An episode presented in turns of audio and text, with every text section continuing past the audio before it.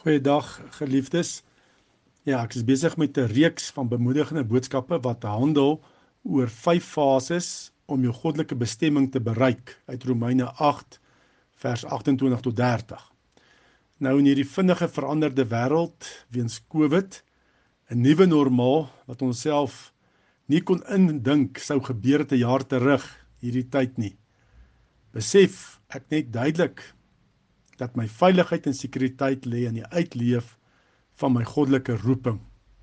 Daarom is dit so belangrik dat ons ons goddelike beroeping, ons goddelike roeping sal ken om in God se wil en plan vir my lewe te wees.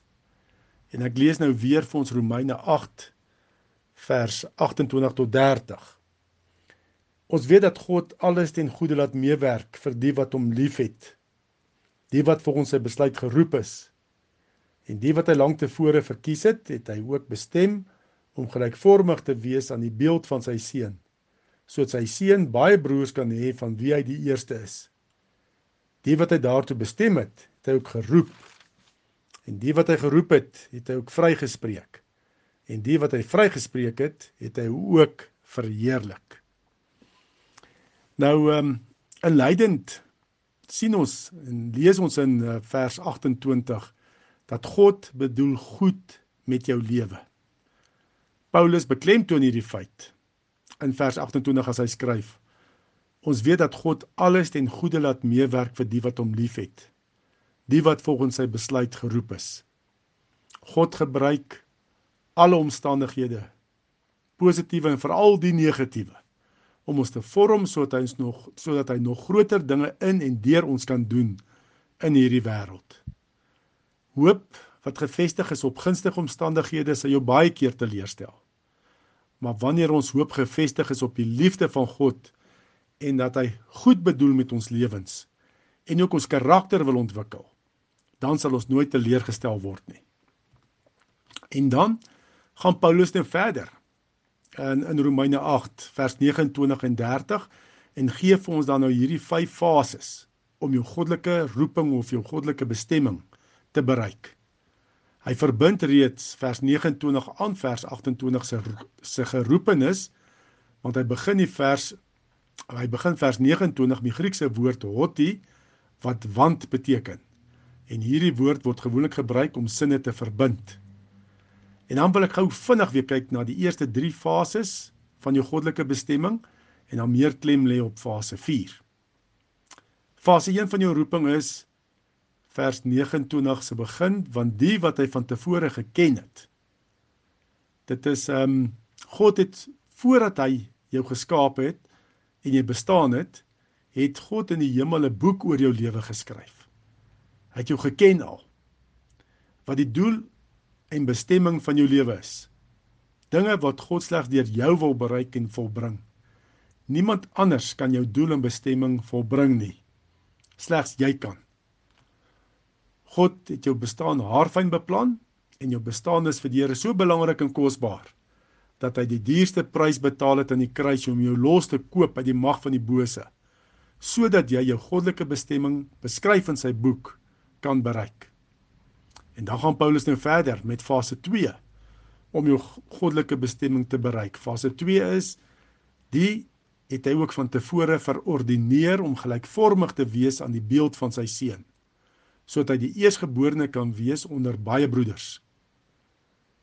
Hoe meer en groter dinge God deur jou wil doen, hoe meer moet jy verander word om gelykvormig te wees aan die beeld van sy seun.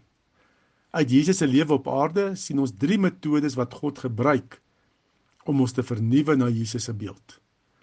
Eerstens, God gebruik swaar kry om ons te leer om op hom te vertrou. God gebruik versoekings van Satan om ons te leer om hom te gehoorsaam. Derdens God gebruik oortredinge van van mense om ons te leer om te vergewe. En dit is dan die tweede fase om ons goddelike bestemming te bereik. Om verander te word om gelykvormig te wees aan die beeld van sy seun. En dan fase 3. En die wat hy van tevore verordineer het, die het hy ook geroep. Dis vers 30. God roep jou. Hy wys aan jou 'n spesifieke bestemming wat hy vir jou beplan het. 'n sekere saak gryp jou aan die hart. Jou roeping raak vir jou 'n passie. Jy sal dit doen sonder om daarvoor betaal te word. Roeping kom in jou hart, dit is 'n passie. In die kerk moet ons nie werk met vrywilligers nie, maar met geroepenes. Dan rus die salwing van die Heilige Gees op die koninkrykswerk wat gedoen word. En dan fase 4. God regverdig jou. So dit staan in vers 30. En die wat hy geroep het, die het hy ook geregverdig. Sodra jy jou roeping begin uitleef, sal die vyand jou begin teestaan. Hy sê jy begin beskuldig en skaamte op jou probeer plaas soos jy's nie goed genoeg nie. Jy's maar net 'n sondaar en wat probeer jy nou doen? Jy sal nooit jou bestemming bereik nie. En so en, ensovoorts. Dis dan dat God jou regverdig in Christus en jy deur die geloof moet leef volgens jou nuwe identiteit in Christus. In Christus verklaar God my regverdig en is ek 'n uitverkorene, uitverkore heilige kind van God. Ek het alreeds alles in Christus om my goddelike bestemming te bereik en dit is slegs my ongeloof wat God se doel vir my lewe kan verhinder. Geen omstandighede of geen magte kan keer dat ek my bestemming in Christus bereik nie. Soos Paulus skryf Filippense 4 vers 13. Ek is tot alles in staat deur hom wat my krag gee. Ek het dit al verskeie kere ervaar hoe die vyand skaamte op my probeer plaas deur mense se opmerkings dat ek nie goed genoeg is nie. Maar dit is reeds die mense, die mense wat op die ou end kom met kragtige getuienisse van deurbrake. So kan ek getuig het ons 'n hele paar jaar terug 'n oorwinnaarsnaweek aangebied vir 'n groot gemeente se vrouebediening. En op 'n stadium gedurende die naweek het een van die dames gebreek en getuig. Sy het aan die begin van die naweek gedink het sy gesê. Sy het gedink, "Wie is Stefan?" Hy is sommer maar 'n Mickey Mouse. Maar toe die Heilige Gees haar omgedop en met ernstige skuldbesef het daar groot deurbrake gekom in haar lewe waarvan sy toe getuig het. En na haar getuienis en die belydenis wat sy gedoen het, is die hele proses net daar en dan vir eers gestaak sodat verskeie dames eers persoonlik bedien kon word tydens die naweek. Groot deurbrake het plaasgevind. Nadat sy getuig het, was sy eers gedink het Ag, wie is hierdie span? Wie is Stefan? Sommige net 'n Mickey Mouse. Maar hoe die Heilige Gees haar kom verander het. Onthou, neem gedagtes gevange en maak dit onderhoorig aan Christus. Veral as jy gevoel kry van ek is nie goed genoeg nie of ek is te sondig. Staan op die waarheid in Christus. God verklaar my regverdig in Christus en ek is goed genoeg om sy bestemming met my lewe te bereik. Ek is tot alles in staat deur Christus wat my die krag gee. Kom ons bid saam. Dankie Here dat U 'n plan en doel met ons lewens het. Dat ons geroepen is in die koninkryk is. Dankie dat U ons regverdig verklaar in Christus en dat ons goed genoeg is om ons bestemming met ons lewens te bereik.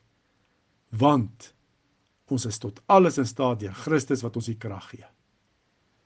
Openbaar dan ook Here aan elkeen van ons wat u roeping vir ons lewens is, sodat ons dit met passie en onder salwing van die Heilige Gees kan uitleef en u koninkryk deur ons lewens kom. Ons wil u naam verheerlik. En ons vra dit in Jesus se naam. Amen.